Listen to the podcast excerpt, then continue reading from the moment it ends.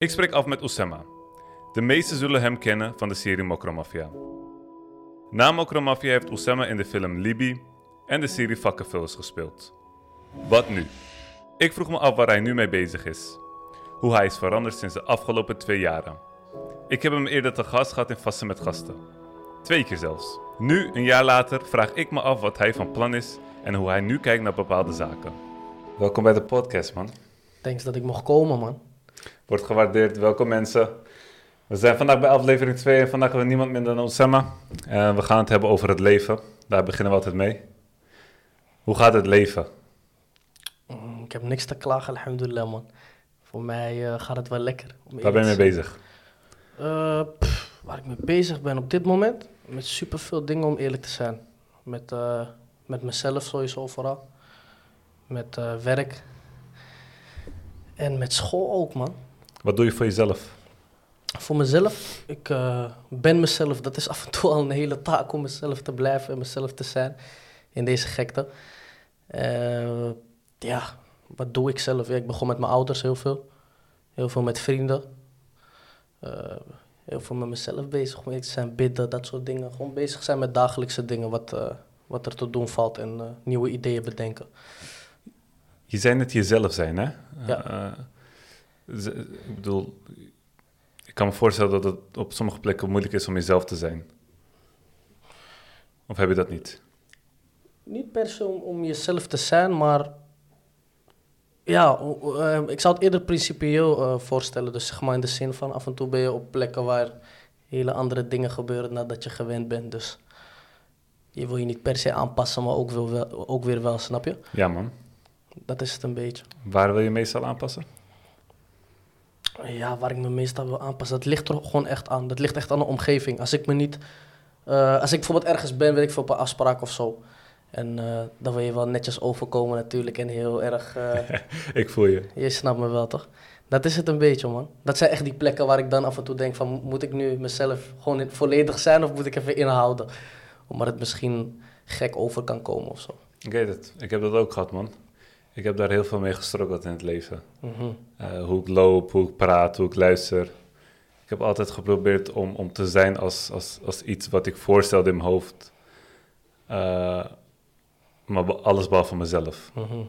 Dus dat is ook wel iets, iets moois om naartoe te groeien. Dus, dus jezelf zijn, overal. Klopt. Ik denk dat je dan echt vrede met jezelf zou hebben, man. Tuurlijk, maar soms af en toe ben ik iets te enthousiast bijvoorbeeld en dan zit ik in een ruimte waar ik denk van hé, hey, hier moet je niet iets te enthousiast zijn vandaag. Dat is het een beetje. Maar ja, met de tijd kan je ook, je weet toch, met de tijd word je ook volwassener en meer levenservaring, word je ook wat rustiger denk ik. Dus het kan ook liggen aan jeugdigheid of zo. Ja, we gaan het hebben over het leven dus. Mhm. En dan eh, wil ik eigenlijk de volgende vraag stellen. En dat is, wat is voor jou belangrijk in het leven? Maar voordat we op die vraag komen, wanneer is iets belangrijk voor jou? Wanneer iets belangrijk is. Wanneer het goed voor me is, dan is het belangrijk. Eh, dus dan kan je denken aan familie. Heel veel met familie, eh, meer tijd met familie doorbrengen. Eh, ja, wat ik net zeg, wanneer het gewoon goed voor me is, dan vind ik iets belangrijk. Ook bij slechte dingen, toch? Ja, soms als, als, als iemand ziek is van je familie. Dat is ook belangrijk. Maar ook slechte dingen zijn soms goed. Om te zien of om mee te maken, denk ik. Ja, man. Zijn lessen weer, toch? Dus, Of besefmomenten. of besef, sowieso, man. Dat is, dat, is ook, dat is ook wel gek, hè? Dat, bijvoorbeeld bij, eh, dat zie ik altijd bij jongens om me heen in de buurt ook. Dat als we naar een um, janaze namaze gaan, dus als iemand dood is en we gaan naar dat gebed toe, dat iedereen opeens vet in shock is. Ja, en dan denkt van, hé, ik moet echt wat met mijn leven doen. En op een gegeven moment Klopt, klopt. duurt een uur en dan is iedereen er weer vergeten. Klopt, broer. Dat is echt zo. Ik heb ook afgelopen tijd veel mensen verloren, snap je? Dus voor mij is het ook... Sowieso de dood was... Ik moest even de dood goed beseffen, man. Ik denk dat dat soort dingen sowieso dan terugkomen. En, eh, Heb je Ja, enig man. idee waarom dat zo is? Dat als je bijvoorbeeld zo'n gedachte hebt van, hé, hey, deze man is dood, ik moet mijn leven beteren, ik moet me focussen op geloof. En dan, maar je ziet dat, dat, dat, het weer, dat de wereld gewoon tijdelijk is, snap je? Je ziet dat, dat, dat wij tijd niet in handen hebben. Dat zie je vooral. Je kan rijk zijn, je kan miljardair zijn, maar als ik jou vraag om de tijd stil te zetten, bro, dan kan niemand, niemand kan de tijd stilzetten, snap je? Dus je beseft dat tijd doorloopt en dat je niet voor altijd hier zal blijven. En dat is denk ik ook iets met de dood, snap je? Als iemand doodgaat, dat ik denk van, hé hey bro, ik moet goede dingen doen in mijn leven, want eh, het is niet voor altijd. Ja, man. We zijn eigenlijk gelijk begonnen met, met dit onderwerp, maar ik denk dat het belangrijk is om, om te laten weten wie jij bent aan de mensen die je niet zo goed kennen. ja. Ehm, je hebt een Mokromafia gespeeld, daar ben je bekend geworden. Ja. Eh, uiteindelijk eh, ben je ook in vakkenvullers gaan spelen. ja, En je doet nu ook dingen voor jezelf. klopt. Maar daarvoor, wat deed je daarvoor? Daarvoor was ik gewoon een jongen die sowieso van heel veel sport hield. Dus ik sportte best wel veel. Voetballen, mijn moeder bracht me naar tennis. Oh, mijn moeder heeft me naar veel dingen gebracht, broer. Net zwemmen, ik heb gezwommen. Zwemvaardigheid, ik heb mijn ABC gehaald, zwemvaardigheid 1 en 2 en 3. Ik heb reddingszwemmen gedaan. Daar was mijn moeder echt. Mijn moeder vond echt dat ik moest gaan zwemmen, maar dat vond ik niks. Dus toen ben ik gaan voetballen. En daar, eh, dat vond ik ook echt leuk. Snap je? Dat was voor mij op dat moment alles. Zaalvoetbal heb ik ook gespeeld. Ik heb handbal gespeeld op school. Af en toe had je die eh, excursies met, eh, met buurthuizen en zo. Dan kon je naar een sporthal, dan kon je al die dingen doen. Snap je? Dan kon je handballen, voetballen. Ja, bro, man. dat soort dingen, dat was eh, Wie is je favoriete voetbalspeler? mijn favoriete voetballer. Ja, voor mij is het wel Messi, man. Ik zeg je eerlijk, maar Messi, man. Lionel Messi is wel eh, mijn favoriete voetballer. Je bent daarna eh, ook begonnen met acteren. Mhm. Je, ben- je hebt gespeeld in Mokromafia. Ja. Je is super groot in geworden. Ja, man. Hoe ben je in aanraking gekomen met Mokromafia?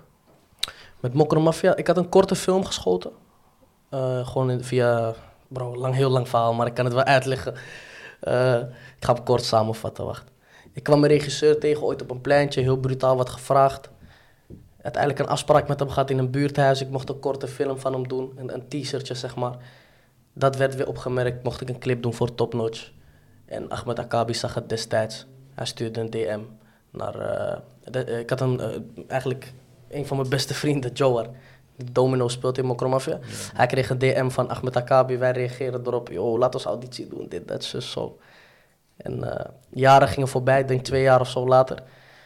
Zagen we op zijn Instagram, zeg maar, dat hij audities gaf. Maar had ons niet gecheckt, snap je? Dus wij heel brutaal weer. Hé, hey, it dan. Mogen we auditie komen doen? Hij zegt, weet je wat, kom maar. Toen, eh, toen zijn we gewoon samen met een eh, begeleider destijds... zijn we toen naar de audities gegaan, man. En zo ben ik weer...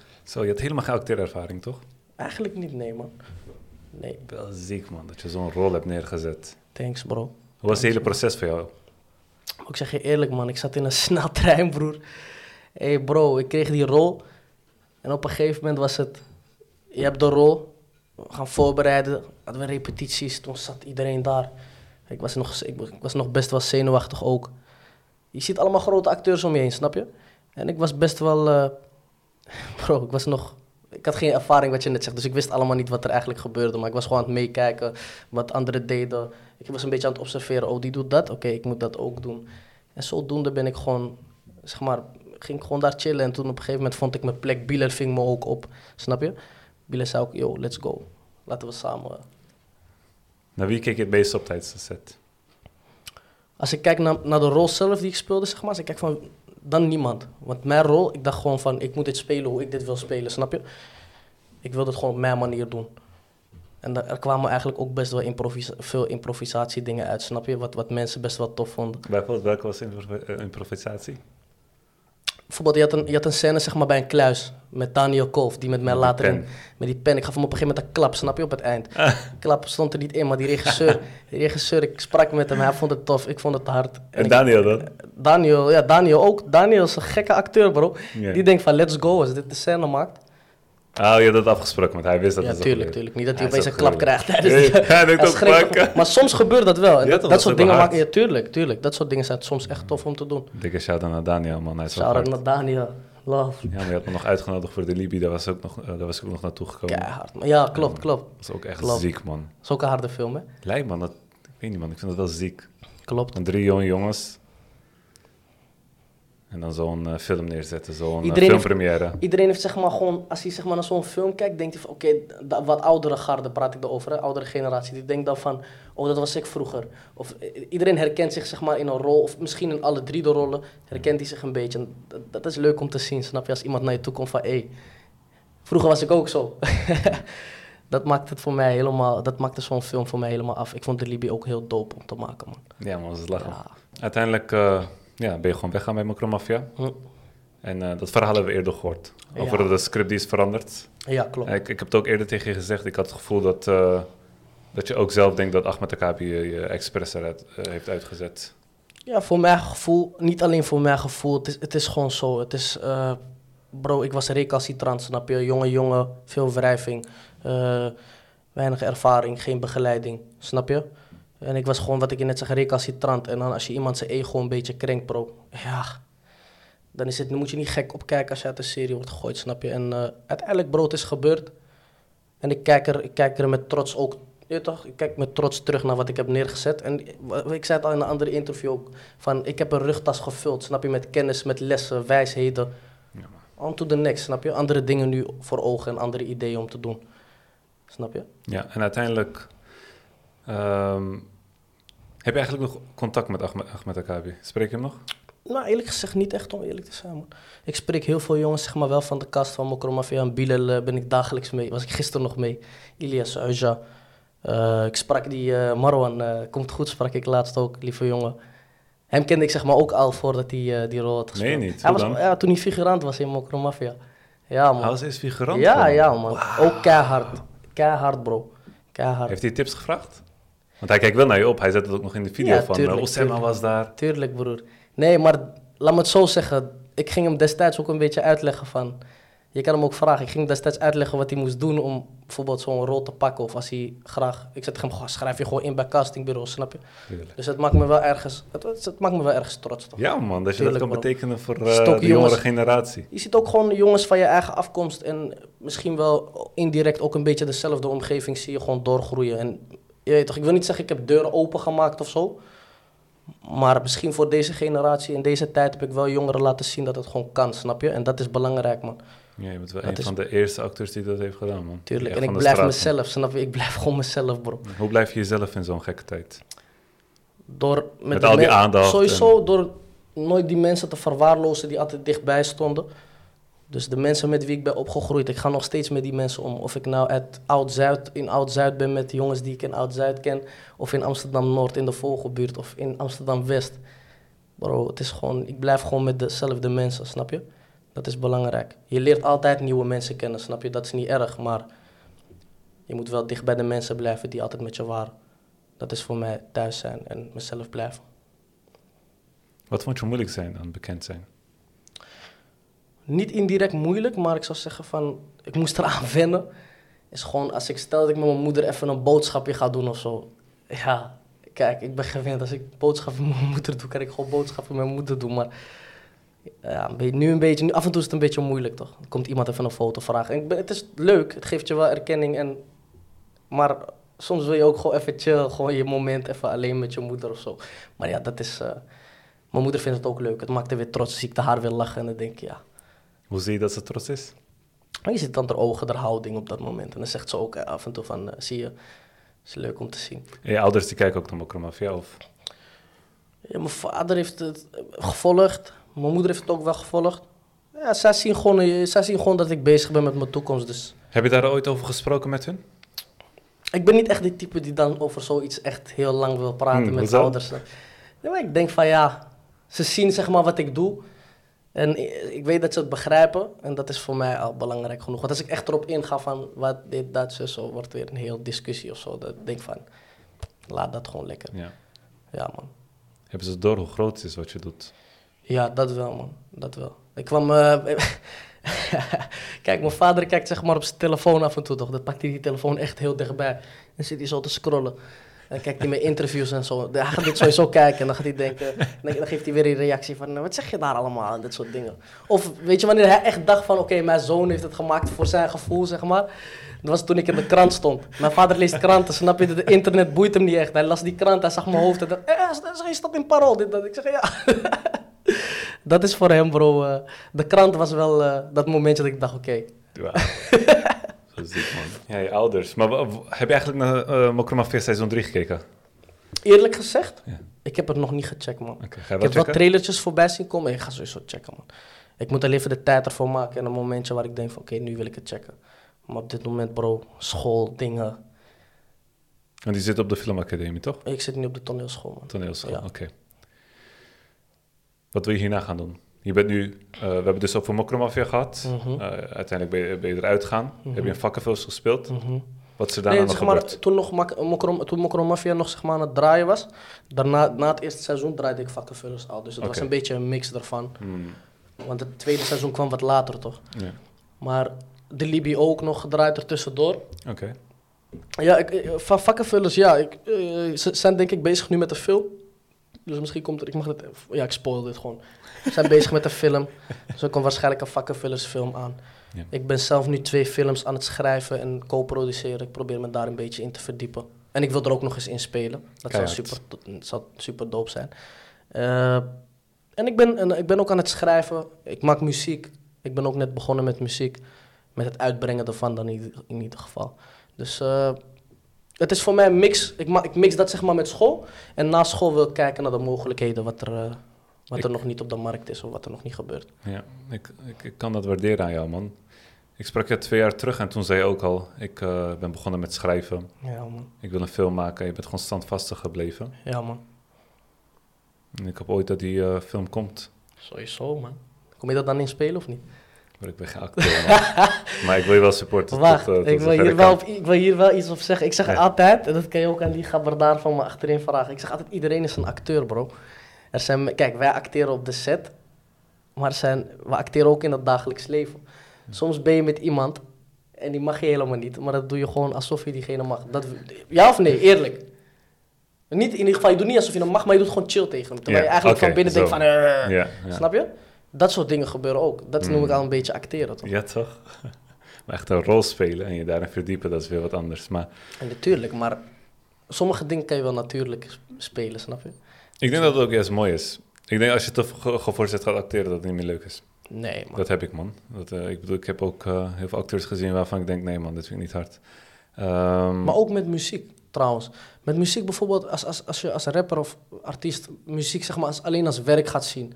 Hoeveel passie zit er dan nog echt in, snap je? ja. Terwijl als je het gewoon uit passie doet meer... Brada, laat ik iets zeggen toch. Ik, eh, ik heb ook gezien dat, dat is met alles, ook met YouTube en zo, op, op een gegeven moment doe je het als passie. Ja. Nee, je, je begint met passie en dan maak je dingen, puur omdat je het leuk vindt en, en, en, en wat gewoon dicht bij jou staat. Ja. Op een gegeven moment haal je daar succes mee. En dan zie je van, oké, ik ben nu bekend, ik moet er geld maken. Mhm. Dus ik moet, ik moet mezelf kunnen onderhouden, wat doe je? Je gaat kijken naar wat de mensen leuk vinden, tof ja, vinden. man. En dan ga je aanpassen tot hun. Klopt. Dit gaat veel dieper.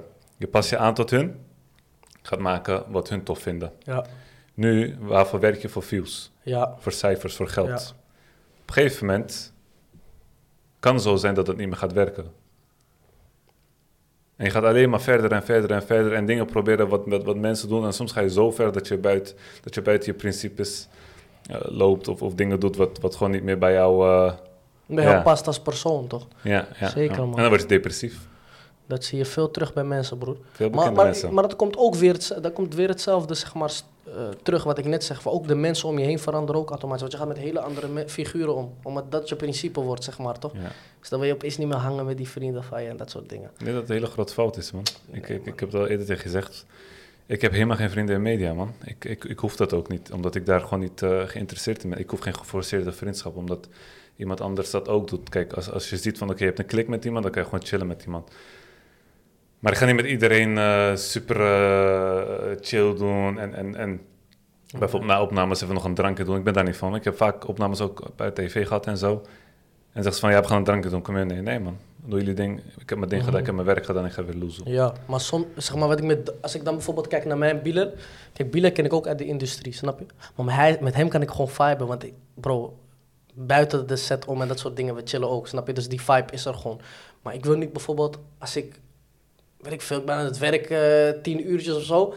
En dan kom ik eh, ergens op een plek met alleen maar acteurs. En dan praten we weer over hetzelfde. Snap je? Over acteren en eh, over weet ik veel, bro. Nee, man. Ik wil terug naar waar ik vandaan kom. En ik wil praten met vrienden over, weet ik veel, voetbal. vrouwen, bladen. De een heeft een koffiebedrijf, praat je over koffie. De andere doet kleding, praat je over kleding. Snap je? Je wil niet alleen maar bezig zijn met hetgeen wat je het liefst doet. Anders word je ook gek. En daar komt ook weer depressie uit bij veel mensen, snap je? Die alleen maar met dat bezig zijn. Nee, man. Het is belangrijk dat je dicht bij jezelf blijft. Mhm. Ja. Ben je gelukkig op dit moment? Alhamdulillah, man. Je weet wat ik ga vragen. hè? wat is geluk? Wat is geluk voor jou? Wat is geluk, bro? Geluk zijn mijn naasten die gezond zijn. Ik zelf die eh, mezelf. Ik moet ook gezond zijn. Eh, de dingen doen die ik leuk vind. Ja, dat noem je geluk, maar hoe, hoe, hoe kan je geluk er- ervaren? Hoe, hoe kan je dat definiëren voor jouw gevoel? Hoe je het kan definiëren. Ja, ik zou zeggen, ik, ik, ik weet niet man. Het is, ik vind het moeilijk om zulke dingen zeg maar, te verwoorden in, een- in een woord. Het is groot. Geluk is iets heel groots. Ik kan niet tegen jou zeggen van, dit is wat ik geluk vind of zo. Denk je dat je continu gelukkig kan zijn?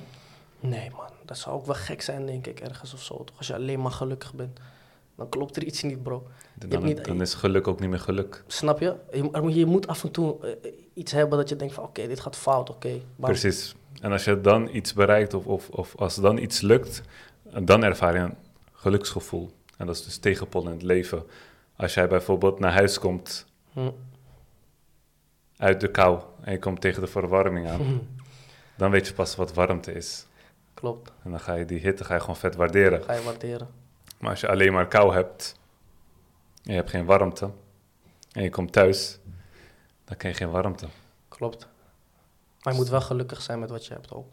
Stel dat je alleen maar kou hebt, ja, dan moet je er wat van maken. Ja, man. ja, ik snap je volledig bij deze. Maar word jij gelukkig van warmte, zeg maar? ik weet wel, niet waar. Ismaël gelukkig van wordt, jongens. Hij komt thuis uit de kou handen met een Bro, verwarming. 100%. Ik kan echt niet tegen kou, man. Ik kan echt niet tegen kou. Ah, Nee, ik word eh, gelukkig van veel dingen, man. ik Mooi, denk man. dat je echt, eh, als, je, als je bezig bent met wat er om je heen gebeurt en als je echt bewust bezig bent en eh, kleine dingen leert waarderen, dan word je snel gelukkig, man. Ja, maar het is wel moeilijk ook nu, toch? Vind je, ik vind het wel, ik weet niet, man, voor mijn gevoel, ik, bro, het is een gekke tijd, man. Het is een echte gekke tijd, man. Dus het is moeilijk nu, vooral nu met corona, avondklokken. Ja, Bro, weet je wat ik gek vind aan de avondklok bijvoorbeeld? Mensen zijn bijvoorbeeld bezig met werken. Hè, laten we zeggen, ze werken om hun huur te betalen, gas, licht, water. Men, eh, ik weet ik veel, als je kinderen hebt, moet je je kinderen voeden. Dus je bent misschien aan het werk van, wat is het? 7 uur of 9 uur tot 6. Je komt thuis om 6, je gaat de douche in. Het is 7 uur. Nu je komt er, eh, weet ik veel, het is 7 uur, je hebt je omgekleed, je bent in de woonkamer gaan zitten. Je gaat even wat koken, het is 8 uur. Snap je? Misschien kijk je tijdens het eten een beetje tv, het is 9 uur. Bro, wat, wat, wat is er nog over van je dag, snap je? ja maar dat is afschuwelijk. Ik denk dat de enige mensen die blij zijn met de avondklok, dat, dat, dat, is, dat zijn de vrouwen. De mannen zijn thuis. Ze kunnen niet naar buiten. Wij zijn vrijheidsstrijders, toch? We willen, willen naar buiten. Dus uh, dikke shout aan alle vrouwen. Sowieso. Geniet van deze tijd. Ja, er komen veel coronababies. veel coronababies, jongens. Hoe kijk je naar die toekomst, man? Broer, hoopvol, man. Ik eh, kijk er hoopvol naar, man. Ik eh, doe wat ik leuk vind. En eh, ik probeer het met de juiste insteek en instelling te doen. En eh, ik, ik zie wel wat er op me afkomt en wat er Oké, gebeurt. dus je hebt niet echt een bepaald doel wat je wilt gaan bereiken. Ik heb wel doelen altijd. Ik stel wel doelen voor mezelf in. Maar zodra ik dat doel heb behaald, stel ik weer een ander doel. Snap je? Zodat het altijd actief blijft. Anders Ja. op een gegeven moment als je het bereikt, denk ik, ik, heb het, ik ben er al. Dus Ja, het is, precies. Het is nooit, ik, voor mijn gevoel, ik bereik nooit zeg maar echt wat ik daadwerkelijk wil of zo. Ja, want het leven stopt niet, het leven gaat altijd door. En je bent continu op zoek naar, eh, naar nieuwe dingen die je kunt bereiken. Anders blijft alles zo eh, basic. Klopt. Klopt. Ja man, en als je, als, je, als je een doel hebt, dan moet je hem altijd groot stellen. Want als je een kleiner doel hebt big. en dan heb je hem behaald en dan eh, moet je toch weer een nieuw doel gaan behalen. Dus je kan beter jarenlang gaan werken voor iets wat super hoog is. En je hoeft hem niet per se te bereiken. Maar als je al het idee hebt dat het zo hoog is dat je hem moet gaan bereiken, ga je ook harder werken om dat te bereiken. Tevreden zijn met wat we hebben, maar streven naar meer, toch? Precies. Geen geld, wel honger. Zolang je zelf maar niet verliest, man. Dat is belangrijk, man. Ja, je moet jezelf wel onder, onder controle kunnen houden. En niet eh, te vergelijden voor de wereld, eh Wereldse wereldse leven. materie. Klopt. Materialisme en dat soort dingen. Ja, broer. Geef dat veel waarde? Je draagt veel merkkleding en zo. Ik zeg jou eerlijk, ik hou wel van eh, af en toe wat kwaliteit gewoon. Dus af en toe, kijk, als ik iets doe of zo, of ik, wat ik, ik heb iets verdiend, dan koop ik wel even, wat leuks voor mezelf. Maar 9 van de 10 keer, bro, geloof mij, alles wat je bij mij ziet is gratis. Snap je? Ik heb het of van, eh, uit een deal met, eh, met een merk dat ik heb. Oh, ik draag gewoon lekker het liefst gratis, maar dan hoef ik niet veel te betalen. Ja man, hoe, hoe verdien je geld? Hoe ik zelf nu geld verdien? Ja. Van mijn werk. Ik eet van mijn werk, man. Dus of ik, eh, ik maak nu ook muziek. Dus het is nog een manier om geld te verdienen. Ik eh, acteer. Daarbuiten, eh, ja, af en toe een kleine, kleine hostel met iets of zo, een samenwerking of zo. Ja, toch? Dat soort dingen, man. Ik, ik, ik, kan me voorstellen dat het heel moeilijk is, man. Omdat eh, je geen maandelijkse inkomen hebt. Het is niet vast Klopt, maar weet je wat... gebaseerd op projecten, toch? Zeker, maar weet je wat alleen is met zulke dingen? Het is zeg maar, iemand die bijvoorbeeld 2000 euro per maand zou verdienen, die heeft gewoon structuur toch? Dus die heeft maandelijks gewoon een bedrag. Maar met acteren en dat soort dingen, bro, je krijgt bij wijze van, je draait een film, stel dat jij ook nog eens co-produceert en dat soort dingen, bro, je draait gewoon een werkfilm. Stel je draait een ton, laten we zeggen op 50.000 euro. Bro, je krijgt het in één keer, snap je? Dan moet je zelf kijken hoe je jezelf uit gaat betalen. Of het wordt een maandelijkse salaris, of je bloot alles en dan ben je skeren volgende dag. Of het is het verschil. Wat is het grootste bedrag wat je verdient? Oh, dan vraag je me wat hoor. Nee, ik, eh, ik wil het niet weten. Ik wil dat soort dingen nooit eh, openbaren. Maar laat me het zo zeggen, broer. Is het meer dan 20.000 geweest? Ja, ja, ja. Tuurlijk. Holy... Ja, maar bro, ik wil niet zeggen, ik ben niet rijk. Snap je? Nu gaat nu ik ben skeren. Nee, ik. Vraag me geen geld. Kijk, kijk, kijk, zijn ogen zijn open gegaan bij het net. Vraag me geen geld, mensen. Als ik kijk naar mezelf. Als ik alleen kijk naar Mokro Mafia seizoen 1. Toen zeg maar de eerste... eh, Laten we zeggen, gewoon eerste relaxte check gewoon binnenkwam, zeg maar. Toch? Hoe heb je toen onderhandeld zonder manager? Bro, bro, dat is doodlachen, bro. Dat was gewoon doodlachen. Ik kwam daar volgens mij ook nog eens weer in mijn trainingspak zitten. Gewoon voor, eh hoe heet die dame? Ingrid Remijsen. En zo naar Ingrid Remijsen van RTL. Ik ging gewoon tegenover haar zitten en eh, ze noemden een bedrag. En ik ging gewoon erboven. Ik dacht, ik moet gewoon iets erboven zitten. Het is onderhandelen. Ik dacht, ik zeg, eh, nee, dit vind ik niet. ik denk dat dit wel echt is wat ik. wat ik Maar hoe de hel doe je dat als, als dit gewoon je eerste klus is? Hoe onderhandel je bij je je eerste weet. klus? Ik zeg je gewoon eerlijk, bro. Kom, op straat, laat me het zo zeggen, we zijn gewoon af en toe een beetje brutaal, toch? Onerg. Gewoon, iemand zegt iets, iemand zegt bijvoorbeeld, laat me het zo zeggen, 10. Jij zegt nee, 40. Ik ben 40. Die mensen denken ook Die aan... mensen denken, hé, hey, wat is met deze kleine rat? Wat je het over, man?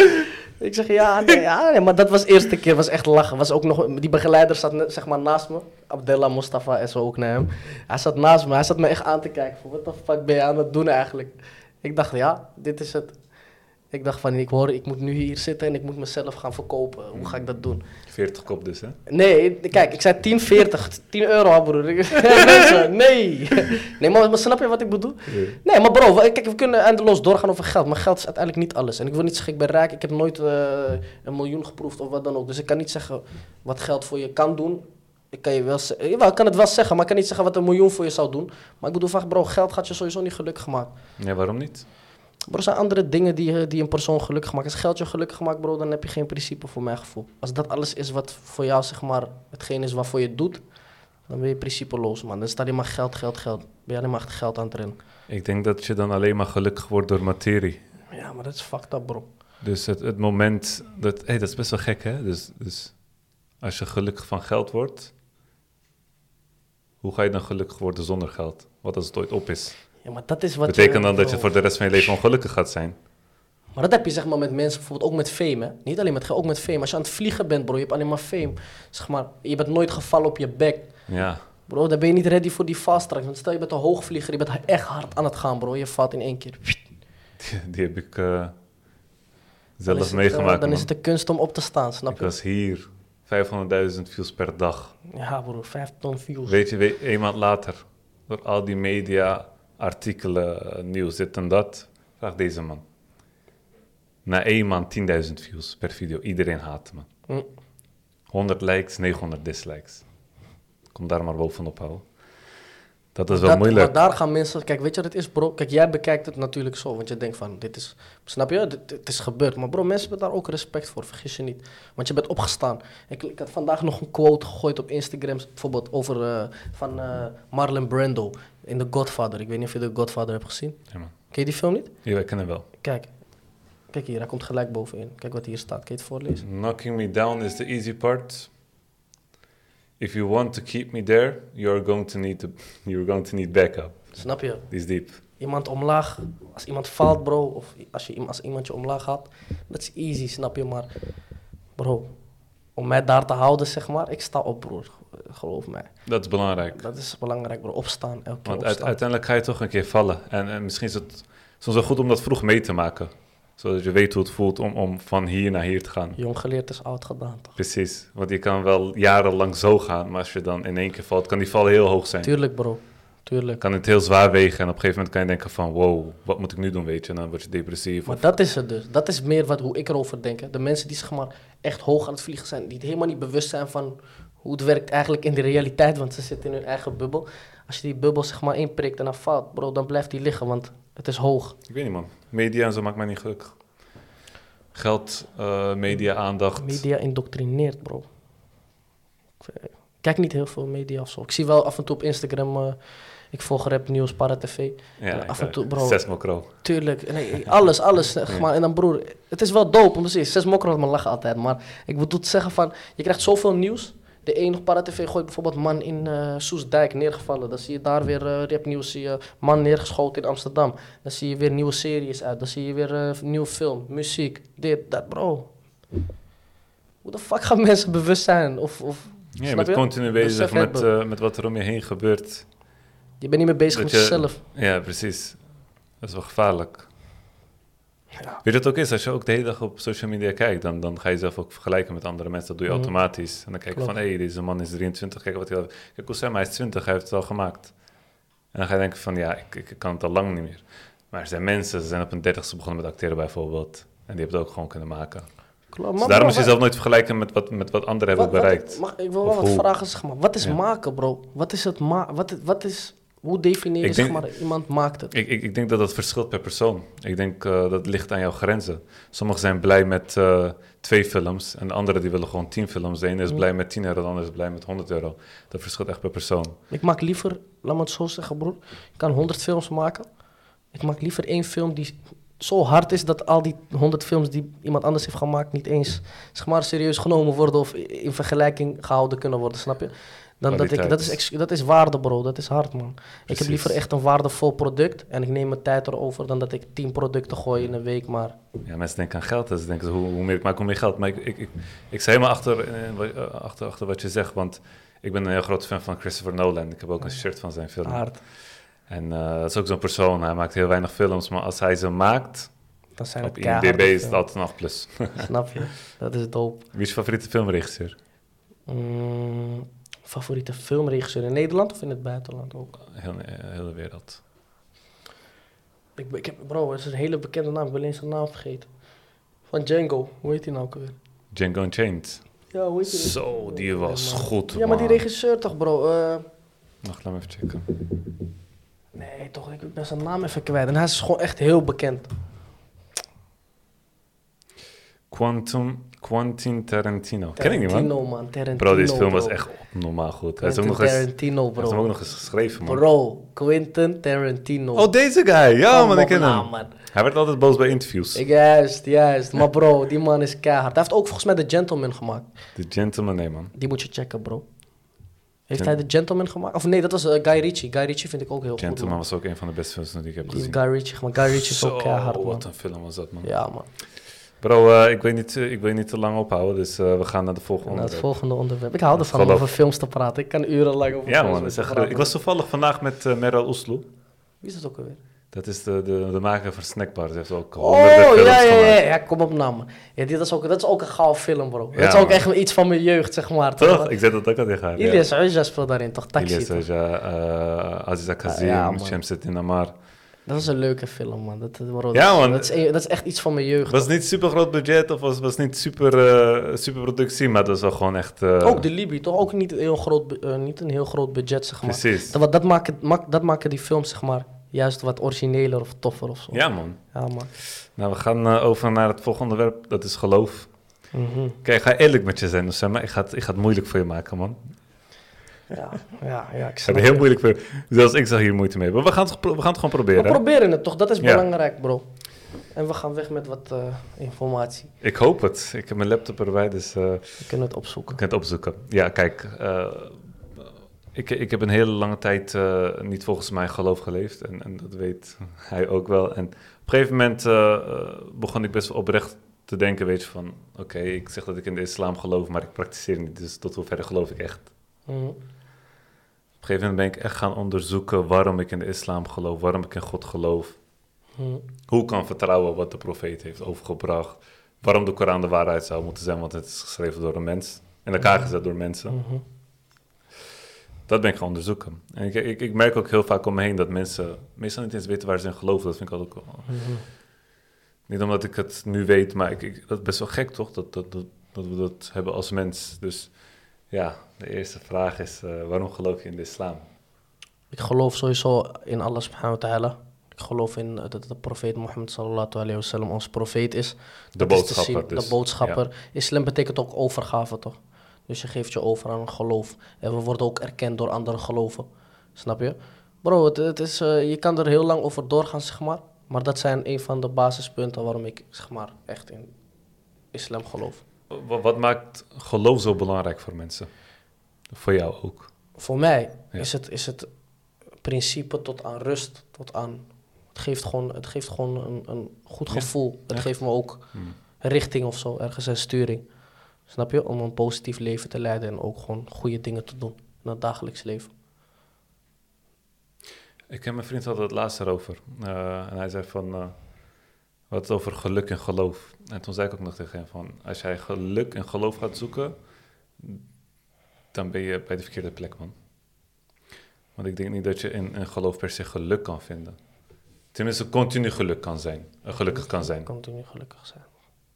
Sommige dingen want, zijn want, want sommige dingen zijn ook moeilijk om te Dat doen in geloof. zeggen. Wat je zegt, het is overgave.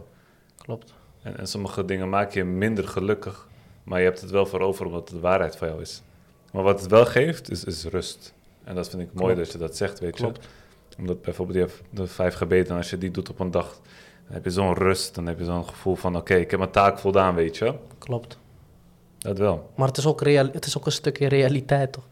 En soms is de realiteit moeilijk om aan te zien, toch? En de waarheid ook moeilijk om aan te horen bij sommige mensen, snap je? En soms moet je er nog even aan wennen. Dat is het ook met geloof. Bro, staat, er staat zoveel in en je komt elke keer achter iets anders. Soms eh, kan je wel even denken, oké. Het is een, eh, wat, wat ik altijd met een vriend, een vriend van me zegt dat altijd, en dat laat me doodlachen, maar hij heeft wel ergens een punt. Hij zegt, zeg maar, islam kan je ook zien als een taart. Ik hoor hem al lachen. Daar is hij, die zwerver. Ik zie hem lachen. Nee, maar hij zegt van... eh, islam is net als een taart. Als je hem zeg maar te snel opeet, bro, dan word je misselijk. Terwijl als je gewoon rustig een hap neemt, dan geniet je er ook van. Ja, Dus dat is ook letterlijk hoe je het kan zien. maar gezegd, man. Hij is filosoof op vrijdag. Op vrijdag. Alleen op vrijdag en zaterdag ik, ook. ik, ik vind het wel serieus mooi wat je zegt, man. Want, want, want dat geeft toch wel de boodschap aan van... Kijk, bijvoorbeeld mensen die, ehm, die beginnen te praktiseren... en dan gaan ze soms best wel snel met praktiseren. Dan nemen ze zoveel op hun voorrak dat het gewoon eh. Te veel op een gegeven moment wordt. En dan laat je het los in één keer. Want dan zie je vaak dat mensen in één keer twee weken vet gaan bidden... foto's maken en alles doen, dit en dat. Op een gegeven moment stoppen ze ermee. Dus daarom is het ook belangrijk voor de mensen die gaan praktiseren... doe dat gewoon stap voor stap. Klopt. Als je gaat fitnessen, dan ga je ook niet 80 kilo in één keer tillen. Dan bouw je dat Oh. op. Dus je, doe dat stap voor stap en doe dat onder begeleiding. Want, want de islam is ook niet iets wat je, wat je zelf kan leren. De islam, als de islam was gebracht als een religie die je zelf kan leren, de boeken kan pakken en zelf kan lezen en, en interpretaties eruit kan halen, eh, ja, volgens jouw gevoel, dan zal er nooit een profeet komen die het voorbeeld zal geven en het zal uitleggen. Wat was, je? wat was, wat was ook. Iqra. Dat was de eerste zin van de Koran als het goed is, Dus toch? lees. Ja, Ja. bro. Iqra, alleen dat, zeg maar, dat woordje, daar kan je al zoveel uithalen, zeg maar. Terwijl, som, terwijl als ik kijk naar hoe ik de eerste keer naar zoiets keek, was gewoon, oh, Iqra staat lees. Oké, Ja. doorgaan. Terwijl je kan ook stoppen, de tijd nemen, lees. Wat wordt er daarmee gezegd? Daar ga je diepgang in, zeg maar. En dan als ik terugkijk naar de eerste, eh, niet de eerste, maar die vlog die we de laatste keer opnamen. Bro, ik was super snel aan het gaan. Niet voor speedsnelheid, bro. Ik was alleen maar aan het lezen, zoeken, kijken, dit, dat, patsa, internet. Oh ja, discussiëren, dit. Ik voelde me bakfiets-imam, bro. ik was gewoon bakfiets-imam geworden, bro. Maar eh, ja, dan op een gegeven moment val je. Dan besef je ook van, hé, hey, yo, je moet je tijd nemen. Mijn ouders zeiden toen al destijds, ze zagen het al. Bijvoorbeeld, kan je wat grappig zeggen? Ik, ik, ik leerde wat bijvoorbeeld en dan ging ik naar huis en dan ging ik met mijn moeder eh, praten. En dan zei ik, ja, maar dit, ik heb dit geleerd. En uh, zei moeder, je moet rustig je tijd nemen. Zij zag al Mooi, dat, man. dat ik snel zou gaan. Ik zeg, nee, maak je niet druk. Ze zei, weet je wat, ga maar. Je gaat zelf zien. Broer, uiteindelijk, bam, je, wordt, je begint opeens weer een beetje wat vereierd te worden. Je gaat andere dingen doen. En dan besef je weer, oh shit, ik ging veel te snel eigenlijk. Ik, nu moet ik mijn tijd nemen. Dus je zegt als je gaat praktiseren, neem gewoon je tijd. Neem je tijd, bro. Mhm. Neem je tijd. tijd. Wat ik je net zeg, tijd hebben we niet in handen, snap je? Dus neem het ook, gebruik het ook. Verstandig. Daarom zou ik ook nooit tegen mensen om me heen zeggen van uh, doe dit of doe dat. Omdat uh, ik, ik, vier jaar of twee jaar terug ook niks uh, aan het doen was voor geloof. En, en, en, toen in één keer ben veranderd, dus dat kan ook bij andere mensen. Dus daarom denk ik altijd van mensen ook op internet zijn continu bezig met oordelen. En um, bezig met, met wat anderen doen. En denk ik van ja, we hebben genoeg gebreken. Dus, dus wij zelf hebben genoeg gebreken, dus ga gewoon focussen op jezelf en werk aan jezelf. Want ja, uiteindelijk doe je toch alles voor jezelf. Alles wat je doet voor God, dat doe je toch ook voor jezelf, voor je eigen ontwikkeling. Tuurlijk, man. En mensen zullen altijd wel reactie op iets hebben of zo. Maar dat zijn mensen die uh, zelf uh, doelloos in het leven staan, 9 van 10 keer, snap je? Iemand uh, die bezig is met iets positiefs, bro, en hem diegene neerhalen, dat slaat nergens op. Kijk, ja, daar had het vorige keer ook nog over. Ja, tuurlijk. Niemand, niemand is perfect, toch? Iedereen kan, je kan vandaag bidden, morgen kan je de hele dag spacen en dan uh, ben je, weet ik veel, ben je of dronken of aan het roken of ballonnen of wat dan ook. En dan volgende de dag daarna denk je weer, oh shit, moest ik eigenlijk helemaal niet doen. Iedereen uh, probeert zichzelf te verbeteren. Je kan niet 24 uur, 24-7 de beste zijn of heel, altijd heel goed. Iedereen moet fouten maken om te leren van die fouten. En iemand daarop judgen, dan om op die haat of haat te praten, iemand daarop judgen, dat is erger dan die hele daad wat diegene heeft verricht, snap je? Het is, is, maar uh, is gewoon een reflectie van jezelf, of hoe je, hoe je naar de wereld kijkt. Snap je? Jouw reactie en, en jouw manier van doen. Um, vind je dat geloof een bewijs nodig heeft om te moeten geloven? Vind je dat geloof een bewijs nodig heeft om? Te moeten geloven. Ergens of zo eh, zoek je er wel naar, toch? Tuurlijk. Je zoekt altijd naar bevestiging of zo. Elk gezond mens met gezond verstand zoekt wel naar bewijs of naar bevestiging ergens van. Als je een kennis krijgt of zo. Anders, eh, als je gaat luisteren naar de eerste beste die tegen jou zegt van... hé, hey, dit, dat is dus zo. Je denkt, ja, dit is kennis. Bro, dan uh, weet ik niet waar je gaat eindigen. Maar dat is ook niet... Uh, als iemand jou wat vertelt of zo, of wat zegt... wil je wel controleren of het, uh, of het wel echt zo is. Toch? Daarom zei ik net van je hebt begeleiding nodig. Snap wat ik bedoel? Daarom heb je altijd begeleiding nodig. Klopt. Maar je krijgt het niet altijd, snap je? Dus dan moet je zelf op zoek gaan naar. Precies. Bijvoorbeeld in de Koran staat er ook van uh, dood alle kafirs. Dus dood alle ongelovigen. Als je dat in de Koran leest, wat ga je denken dan? Hoe ga je, hoe ga je, hoe ga je dat interpreteren? Iemand zonder begeleiding, bro, die gaat denken... Pak de eerste beste mes en ik ben daar. Ja. maar dus die versjes, dus, dus dan, dan, dan kijken naar het moment wanneer die vers is gedaald en dat was tijdens de oorlog met de ongelovigen. Mm. Dus uh, als je ook de historische context erbij haalt, Snap je. dan kan je dat beter begrijpen. En dat kan je alleen als je een leraar hebt. Want als je geen leraar hebt, broer, er zijn zoveel dingen die je niet begrijpt. Arabisch tot aan uh, dus uitleg van de Koranteksten. Broer, wie zijn wij? Hoe noemde je het? Hoe noemde je het net? Tefsir. Dat is tefsir, toch? Tefsir, ja. Dus, dus bijvoorbeeld, dan denk ik altijd van, wie zijn wij om dingen zelf te gaan uh, onderzoeken als, als, als, als er al vier messepler zijn, die zijn erkend. Dus Hanifi, Maliki, Hanbali ja. en Shafi, die alles al hebben onderzocht. En, en, en, en, en zeg maar, ja, hoe noem je dat? Sorry, maar ik moest even denken aan die eerste aflevering met jou, dat je dit zei. Ik broek kwam met een stupid ass reactie daarop. Maar toen was ik echt een vullis. Ik weet niet, je zei dit, zei ik, wat is dat broer? Oh, zoiets in die richting, wat is dat broer? Show. Bro, dat was een van mijn favoriete afleveringen. Ja, tuurlijk bro, maar toen uh, zat ik echt in een waas of zo bro. Ik weet niet wat ik aan het doen was. Maar dat is leuk om terug te zien. Ja toch, dat is die groei. Dat ik wat minder kennis Dan besef je hoe erg je bent gegroeid. Ja, als je dat soort dingen... Ja, eigenlijk wel. Maar je staat er niet bij stil soms toch. Als ik het nu zou terugkijken, dan ik wat denk oké. Maar ik zou helemaal stuk gaan. Ja. soms wil ik dat niet eens terugkijken, snap je? Ik voel je, dat heb ik ook wel mijn ding. Maar dus dan heb je die vier grote scholen. Hm?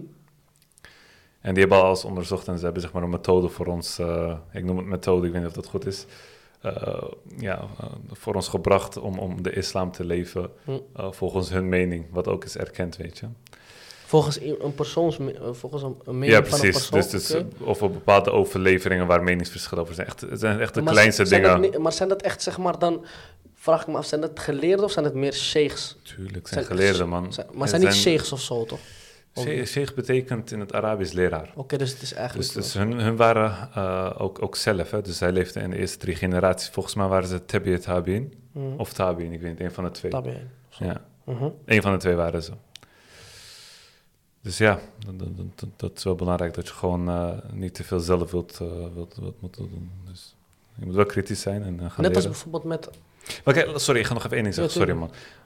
Bijvoorbeeld, als mensen willen acteren, gaan ze naar acteerschool. Als mensen, en dat is nog klein acteren. Ik bedoel, eh, ja, vergeleken met religie. Of als ze op voetbal gaan, gaan ze naar een trainer. Of als ze piano willen leren, gaan ze naar een leraar. Als- op Ja, school hebben ze leraren voor wiskunde, weet ik veel wat. Maar als het op islam aankomt, kunnen ze het zelf leren. Maar je wil nog wat zeggen? Klopt. Nee, ik wil terugkomen wat je net zei, zeg maar. Bijvoorbeeld ook als je kijkt naar eh Lotto, toch? Als je Lotto doet. Sommige mensen doen... Ik had daar laatst iets over gelezen op internet. Sommige mensen doen alleen bijvoorbeeld als ze... eh, blote voeten. Niet per se blote voeten als ze sok aan hebben of zo. Ik weet niet of dat mag. Ze alleen, Alleen één de keer, bovenkant. zeg maar bovenkant. Maar Ja. eh, ik hoorde ook weer dat er... Niet hoorde, ik las of ik zag iets op YouTube volgens mij... dat, dat sheikhs daar ook een discussie over hadden destijds. Ja, er Van mag dat wel? Of, ja, dit, Er dat. zijn altijd wel meningsverschillen, maar je moet niet te veel op internet kijken, want je hebt allemaal verschillende meningen en allemaal En verschillende zo, takken, ja, dit en dat. Dus je moet gewoon één weg volgen. Klopt. Snap je? Waar kijk jij zeg maar dan echt je filmpjes als ik vragen mag? Ik eh, kijk niet naar filmpjes, broer. Ik haal geen helemaal geen informatie van internet. Nee? Nee, nee. Ik heb... Dit is, dit is mijn leraar, man. Oké, staat deze met in. Zijn, hij, is, hij is wel overleden in 2011. Zijn, eh, zijn, zijn zoon is nu eh, zijn opvolger. oké. En, ehm, en, en die leert ons gewoon bepaalde dingen. En, en dat, dat, dat is ook zo'n ding. Dus, dus zijn zoon is zijn opvolger, zijn leraar, zijn leraar, zijn leraar, zijn leraar. Ze hebben allemaal Ja, ja, ja, diploma's, allemaal- bewezen diploma's. Oké, Dat ze les mogen geven. En dat gaat door tot de profeet. Dus daar heb je ook gewoon een ketting voor met bewijs. oké. Dus dat is wel bijzonder. Wat is het meest unieke aan jouw geloof? Wauw. Wat is het meest unieke aan mijn geloof? Ja, wat is er niet uniek? Wat vind je zelf heel bijzonder? Waar je nog steeds stil bij staat en denkt van wauw. Alles, bro. Letterlijk alles, man. Want je gaat nooit zeg maar, iets kunnen, zodanig kunnen ontleden dat je het helemaal begrijpt. Mhm. Maar je kan het wel proberen. En elke keer als ik probeer en ik leer wat of ik haal wat eruit, denk ik, wauw, dit is onvoorstelbaar. Dus het wordt elke keer, de reactie wordt ook elke keer anders, snap je? Het wordt steeds meer en meer. Omdat je denkt dat je bijvoorbeeld, bij wijze van stel dat ik bijvoorbeeld iets leer of zo, denk ik van, oké, dit heb ik nu geleerd. En dan leer je weer wat nieuws, denk je, hè, zo keek ik er helemaal niet naar. Dat is voor mij wat het uniek maakt, zeg maar. Een voorbeeld daarvan geven? Of is dat moeilijk nu? Nee, ik kan wel, ik kan erover nadenken. Eh, bijvoorbeeld als ik ook weer ga kijken naar, als ik iets lees, bijvoorbeeld alleen wat ik je net was zeggen met Iqra, toch? Als je alleen al, dus normaal zou ik er overheen lezen in het begin. Zou ik gewoon doorgaan naar het volgende en het volgende en het volgende. Of als ik een Sora zou willen leren, ga ik naar het volgende. Terwijl als je, het gewoon, als je erbij stilstaat en gewoon echt gaat ontleden wat er wordt gezegd of wat het betekent, krijg je meer, krijg je meer lagen toch, zeg maar. Dat is voor mij een voorbeeld van iets wat bijvoorbeeld dan uniek is. Dat ik denk van wauw, dat is het gewoon, dat hele onderwerp. Maar niet iets specifiek dat ik denk van oh, dit, op dit moment dacht ik. Of de wonderen van de Koran? Ja, Zullen we eentje lezen? let's go. Even kijken of we eentje kunnen vinden. Vingerafdrukken. Zullen we die doen? Vinger afdrukken? Ja. Dus er een vers. Denkt de mens dat wij zijn botten nooit zullen bijeenbrengen? Zeker wel. Wij zijn in staat om zelfs zijn vingertoppen opnieuw volmaakt te vormen. Waarom sprak Allah over de vingertoppen hier? Wat zo speciaal aan vingertoppen? Nu weten wij dat elk mens andere vingertoppen heeft. Zelfs een tweeling heeft niet dezelfde vingertoppen. Alle mensen die ooit geleefd hebben, hadden verschillende vingertoppen. Door te zeggen dat Allah, zoals onze vingertoppen opnieuw kan scheppen, laat hij zien dat hij alwetend en al- en almachtig is. Het was aan het eind van de 19e eeuw dat we achter de uniekheid van de vingertoppen kwamen. Daarvoor dachten mensen dat het slechts lijntjes waren, met geen ver- verdere betekenis. Wauw, Ziek hè? wauw. Ja, man. Kun je nog eentje opzoeken? Iets over, een, eh, over hoe de wereld is gebouwd. Deze hebben we. At- at- atmosfeer en dampkring als beschermlaag. En wij maakten de hemelatmosfeer als een beschermende kap. Maar zij, de ongelovigen, wenden zich af van zijn tekenen. Dit is een vers. De aarde wordt omringd door een laag die bestaat uit allerlei gassen, namelijk de atmosfeer of dampkring. Zonder deze laag zou het leven op aarde onmogelijk zijn. De atmosfeer laat alleen ongevaarlijke stralingen, radiogolven en zichtbaar licht door, omdat deze onmisbare elementen voor leven zijn. Echt bizar, man. Zie ik, hè? Zou, jij je we- wereldse zaken opofferen voor je geloof? Tuurlijk, bro. Ja? tuurlijk man, broer. Hey, dit is zo'n mafkees als hij. Mijn lap. Ik zie er gewoon zie ik eruit als een keffer in je ogen. Mijn lap als hij, man. Ja, tuurlijk. Tuurlijk. Maar Ja. ik denk dat dat ook weer tijd nodig heeft, snap je? Je kan Precies. niet alles in één keer, bro. Je moet- Precies. Want dan gaan mensen weer zeggen, maar ja, maar waarom maak je dan muziek op? Waarom doe je dan dit Snap of waarom je? dan dat? Bro, maar dat Ik geloof ook dat dingen gewoon tijd nodig hebben, man. Kijk, eh, ik ga je gewoon eerlijk voor. Als ik kijk naar mensen, zeg maar, ik wil niet per se zeggen dat het een voorbeeld voor mij is, of dat ik er echt naar opkijk. Maar als ik kijk naar Salahuddin, Abi Tunsi bijvoorbeeld, hij heeft ook nu alles opgegeven, zeg maar, voor zijn geloof. Of het precies de juiste wijze is, dat zou ik niet 1, 2, 3 zeggen, maar het is, het is, wel, het is wel iets wat te doen valt, of het kan. Begrijp je, daar is een schoon voorbeeld van. Dus, bro, het heeft gewoon tijd nodig, denk ik, man. En levenservaring ook. Vind je het moeilijk om, te, om, om dingen op te offeren? Ik heb dat wel, man. Niet alles. Niet alles, man. Het ligt er ook echt aan wat het zou zijn. Snap je? Hm. Wat En- zou je moeilijk vinden? Om op te offeren, dat weet ik niet. Want het is niet dat ik denk van... Ik sta er niet bij stil of zo, snap je, op dit Wat, moment. wat ik heel moeilijk vond, is op een gegeven moment had ik besloten om vrouw geen hand meer te geven. En dat in Hilversum, dus in de mediawereld. In En dan kom je bij eh, de directeur van NTR of, of, of bij de gekste, gekste. ben ik wel ik dan je ben ik nog wel ver, ver van huis, bro. Ik geef al die vrouwen knuffelen. Ja, maar dat, dat, dat is jouw ding, dat kost misschien tijd of misschien ga je het nooit doen, maar dat, dat verschilt persoon. Dat maakt jou niet minder goed of, of, of slecht. Weet Ik je? snap je. Maar dat was bijvoorbeeld een opoffering waar ik... eh, Soms besef je dat niet, dat soort dingen, dat, dat, dat, dat het eigenlijk niet kan, eigenlijk. zoals? Zoals dat, dat ja, soms sta je er ook niet bij stil dat dat eigenlijk... Ik, ik, ik hoor dit nu zeg maar, ik dacht, ik stond er even een tijd niet bij stil. Snap je? Nu ik het weer hoor, denk ik, eh, klopt mensen gewoon knuffels te geven en dat soort dingen.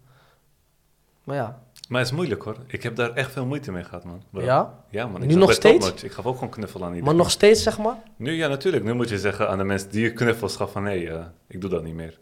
Gewoon, eh, ik hoef geen fysiek contact. Ik heb respect. Respect is niet via, eh, via fysiek contact. Mhm. Respect is door de manier hoe je met iemand omgaat. Omgaat. Ik kan een knuffel geven, hand geven, maar ik kan me ook als een logo dragen. Wat heb je daaraan? Ja, ja, daar ben ik het met je mee eens. Dus ik hoef geen eh, fysiek contact. Ja. En eh, weet je, eh, bijvoorbeeld in Japan geven ze ook geen handen. Echt? Ja, in Japan geven ze ook geen handen. Oh. Dat is heel laat pas gekomen. hè. Ongeveer Dat is 1920 of zo, handen geven in Nederland. Dat is nooit een ding. Nu met corona, Oh, wat deden ze eerst dan? Hoi, Zo misschien. Of, of, hoi, gabber. Hoe is het? Ja broer, ik weet niet man. Ik, ehm, weet je, maar nu met corona zie je dat niemand meer eh, handen geeft. Dus dat is Mhm. wel super eh, relaxed voor mij. Safety, mondkapjes, alles anderhalve meter afstand. Ik hoop dat het zo blijft. Als iemand zijn mondgeur slecht is, anderhalve meter. Heb je ooit getwijfeld aan God? ik ga eerlijk met je zijn, niet getwijfeld aan God, maar meer getwijfeld aan mezelf, snap je? Van, Ja. eh, ben ik wel juist bezig en dat soort dingen. Maar dat zijn vragen die je constant moet stellen aan jezelf, vind ik. Van, is dit wel? Ja. Heb ik, hoe heb ik het vandaag gedaan? Hoe, anders ben je niet bewust van eh, waar je mee bezig bent. Dat denk ik vooral. Ja, ik ik heb altijd wel een momentje, ergens op een dag, of het nou in de ochtend is of in de avond, dat ik denk van, oké, wat heb ik vandaag gedaan? Wat ga ik vandaag doen? Hoe ben ik met mensen omgegaan? Een beetje wegen toch? Net als een weegschaal. Goed en slecht naast elkaar zetten. Ik heb echt veel twijfels gehad man. Maar twijfels in welke richting? Heb je dan over twijfels dat je echt denkt van, is dit wel... Bestaat het wel? Of, of hoe zit dit dan? Of hoe kan God zoiets doen? Ja, tuurlijk. Maar dan ga je, wat ik, wat ik net dus zei, dat ga je wel op zoek naar. Precies, en dat, dat is wel belangrijk. Als je die vraag hebt, dat je ze ook eh, niet gaat verbergen. Nee, Want ik schaamde me daarvoor. Want als je dat zegt, dan zegt de gemeenschap... hé, wat zeg je nou allemaal? Kan je zoiets zeggen? Ja, tuurlijk. Maar dat is ook kritisch- ontwetendheid, toch? Precies, dat is het. Mooi gezegd, man. Je moet kritisch kunnen zijn om bepaalde vragen gewoon weg te krijgen uit je hoofd. Ja.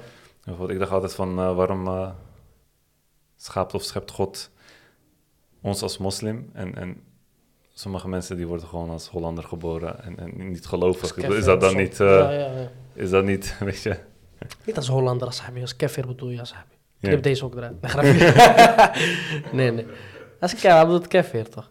Nee, ja. Ik, zie ook, ik zag laatst bijvoorbeeld, eh, niet laatst, dat is wel een tijd geleden, zag ik gewoon iemand van de PVV of zo, die was bekeerd. Ja. Dat was, dat, voor mij was het heel gek om te zien, man. Ik heb ze alle twee geïnterviewd. Ja, keihard, man. Joran van Klaver en eh Het is wel gek ik. om te zien ook. zo. ik heb ook gekke verhalen van Wilders gehoord. Wilt u ook bekeren? Zou het welkom, Nee. broer? ik zou dat wel doen. Deze moet je sowieso eruit knippen, bro. We gaan nooit meer in ons leven nog een uitzending uitbrengen, broer. Morgen krijg je echt staatsschuld, drie ton. Nee, wat, wat.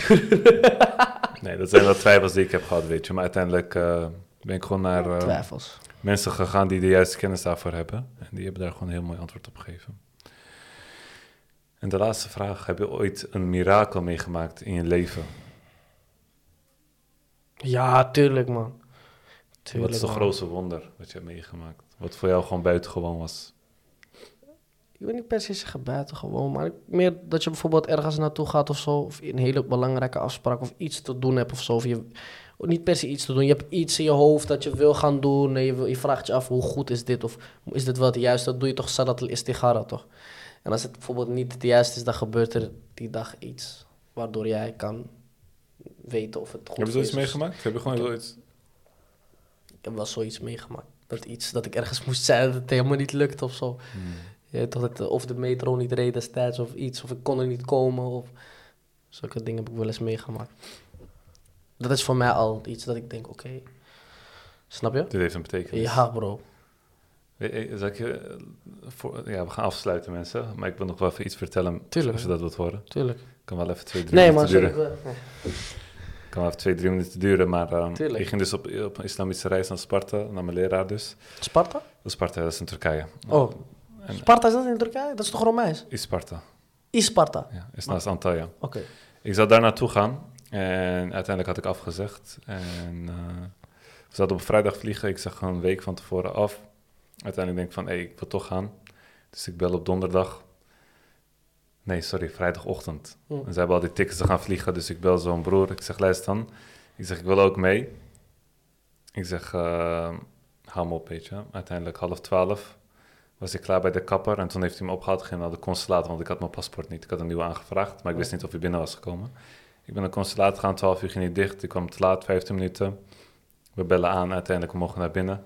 We gaan naar boven ze zeggen van, ja oké, eh, je paspoort is gekomen, maar je moet je oude paspoort inleveren. Maar ik had hem thuis vergeten. Dus dan geven ze je nieuwe paspoort niet mee. Uiteindelijk wij vertellen, vertellen, vertellen. Uiteindelijk geven ze die, eh, geven ze die paspoort gewoon mee. Ik ga naar het vliegveld. Ik heb helemaal geen ticket. Ik bedoel, er zijn helemaal geen tickets. Het is gewoon uitverkocht. We gaan naar onder Air. Dit is Maar echt gebeurd. Je gaat naar mensen. vlieg van mij, heb je nog geen ticket geboekt? Nee, ik dacht gewoon Je dacht proberen. gewoon last minute gewoon. Last minute, als er Ah. iets is, ik ga gewoon, je weet toch? Mhm. Half vijf zouden ze vliegen, hoor deze. Dus ik ga zo mee. Honor Air, Pegasus, Turkish Airlines, cheap tickets. Elke balie zijn we gaan, broer. Geen eentje heeft ticket. Er is één ticket om half acht. Die duurt 11 uur via Izmir. Die is 500 euro. En ik ga maar voor twee, drie dagen. Ik denk, shh, dat is duur, man. Bro, uiteindelijk, ik ben daar aan het staan. En toevallig, één dag van tevoren, kwam ik op voor die burka-verbod. En kwam ik op Telegraaf. Uiteindelijk, ik ben daar aan het wachten, aan het wachten. Ik heb niks gevonden. We bellen naar Turkije onder Air. Ze hebben niks. We gaan naar Bali, uitverkocht. Nee, ik denk, eh, tickets zijn gesloten, we geven niet meer. Uiteindelijk, die drie broeders, ze gaan weg. Hij zegt tegen mij, komt, hij zegt, tegen mij- hij zegt tegen mij van, eh, eh, doe drie ikhlas, één fatiha. En dan komt het goed, inshallah. Dus ik doe dua, weet je. Real like dit, bro. Ik doe die dua. Ik daar aan het rondlopen. Ik denk, weet je wat?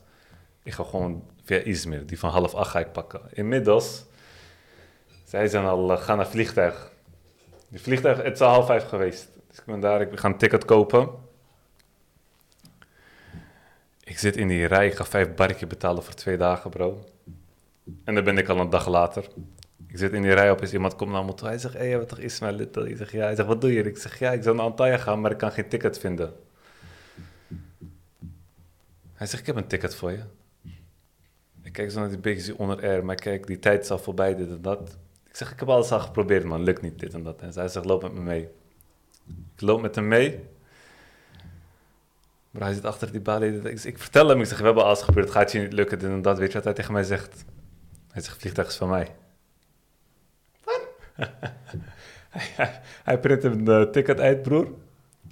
Hij geeft die ticket aan me. Ik zeg, "Wel, hoeveel moet ik betalen? Hij zegt, niks gratis.